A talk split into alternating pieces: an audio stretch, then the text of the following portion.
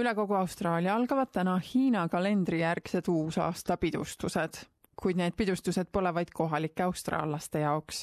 Austraaliasse jõuab selleks ajaks kohale ka rekordiline arv Hiina mandrilt pärit turiste, kes soovivad välismaal uut aastat vastu võtta.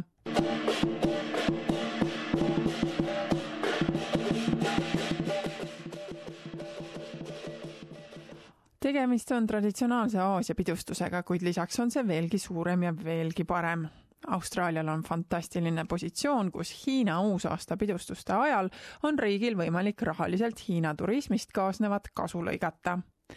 John O'Sullivan on Austraalia turismiorganisatsiooni tegevjuht tema sõnul saabub igal aastal Hiina uusaasta pidustuste raames siia oma puhkust veetma üks koma kaks miljonit hiinlast What we generally see is for January and February, the two months that straddle the Lunar New Year holiday period, is anywhere from about 140,000 visitors upwards of 250,000 visitors. The Chinese visitor market now is worth $9.1 billion to the Australian visitor economy. Suurlinnad nagu Sydney, Melbourne ja Gold Coast lõikavad sellistest Hiina turistidest kõige rohkem kasu. Hiina kasvava keskklassi jaoks on lõunasse rändamine lihtne valik. Tracy on teismeline Hiina turist, kes reisib Sydneysse koos oma vanematega.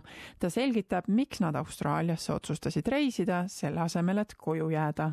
In China it's winter but now it's summer and Australia in summer is very beautiful paljude Hiina turistide lemmik on üks Austraalia ikoone ehk Sydney ooperimaja.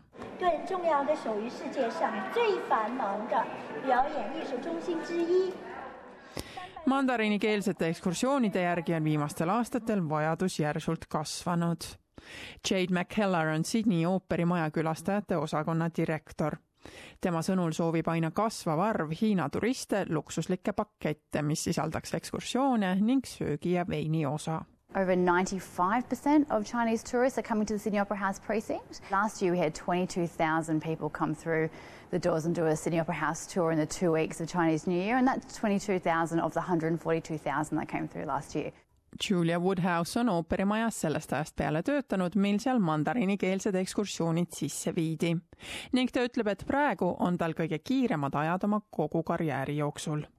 I have been working here for 11 years absolutely increased for the last few years because of the economic booming in China and also it's easier these days to get visa to get to Australia.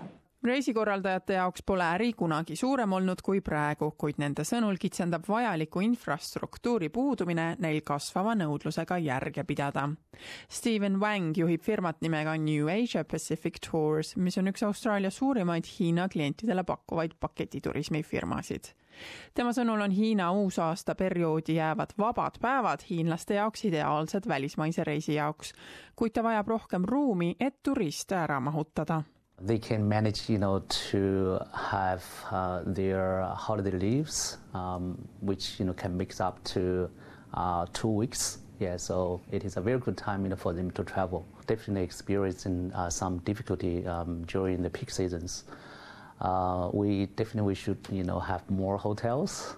Austraalia ettevõtlussektor kutsub üles tegelema kasvava arvu Hiina turistide majutamisega. hotellide infrastruktuuri, teenindussektori personali ning uute turistidele pakutavate kogemuste puudumine on võtmetähtsusega faktorid, millele Austraalia turismiorganisatsioon üritab keskenduda, kuna nende eesmärgiks on kahe tuhande kahekümnendaks aastaks teenida Hiina turismilt kümme miljardit dollarit Uh, there's about 20,000 new rooms in the pipeline at the moment, but anything that's growing as fast as China needs to have new product and new experiences, and that's a really key focus for us. endine Victoria osariigi premier John Brumby on nüüd Austraalia-Hiina ärinõukogu juht tema sõnul on praegu nõnda tugeva nõudluse puhul surve sellel, et selliseid turismitulude võimalusi ei lastaks raisku minna we're probably 38, 40,000 people short of all the jobs that will be needed for the growth that's coming. And the number one growth area in terms of our economy is Chinese tourism, which is growing at 20% per annum. Never look a gift horse in the mouth. And uh, this is a great opportunity for Australia. It's ours to lose if we don't get it right.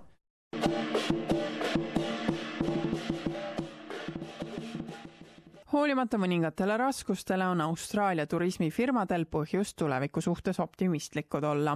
Austraalia võtab turistide sissevoolu avalisüli vastu ning isegi peaminister Malcolm Turnbull üritab kõiki pidutsejaid end hästi tundma panna.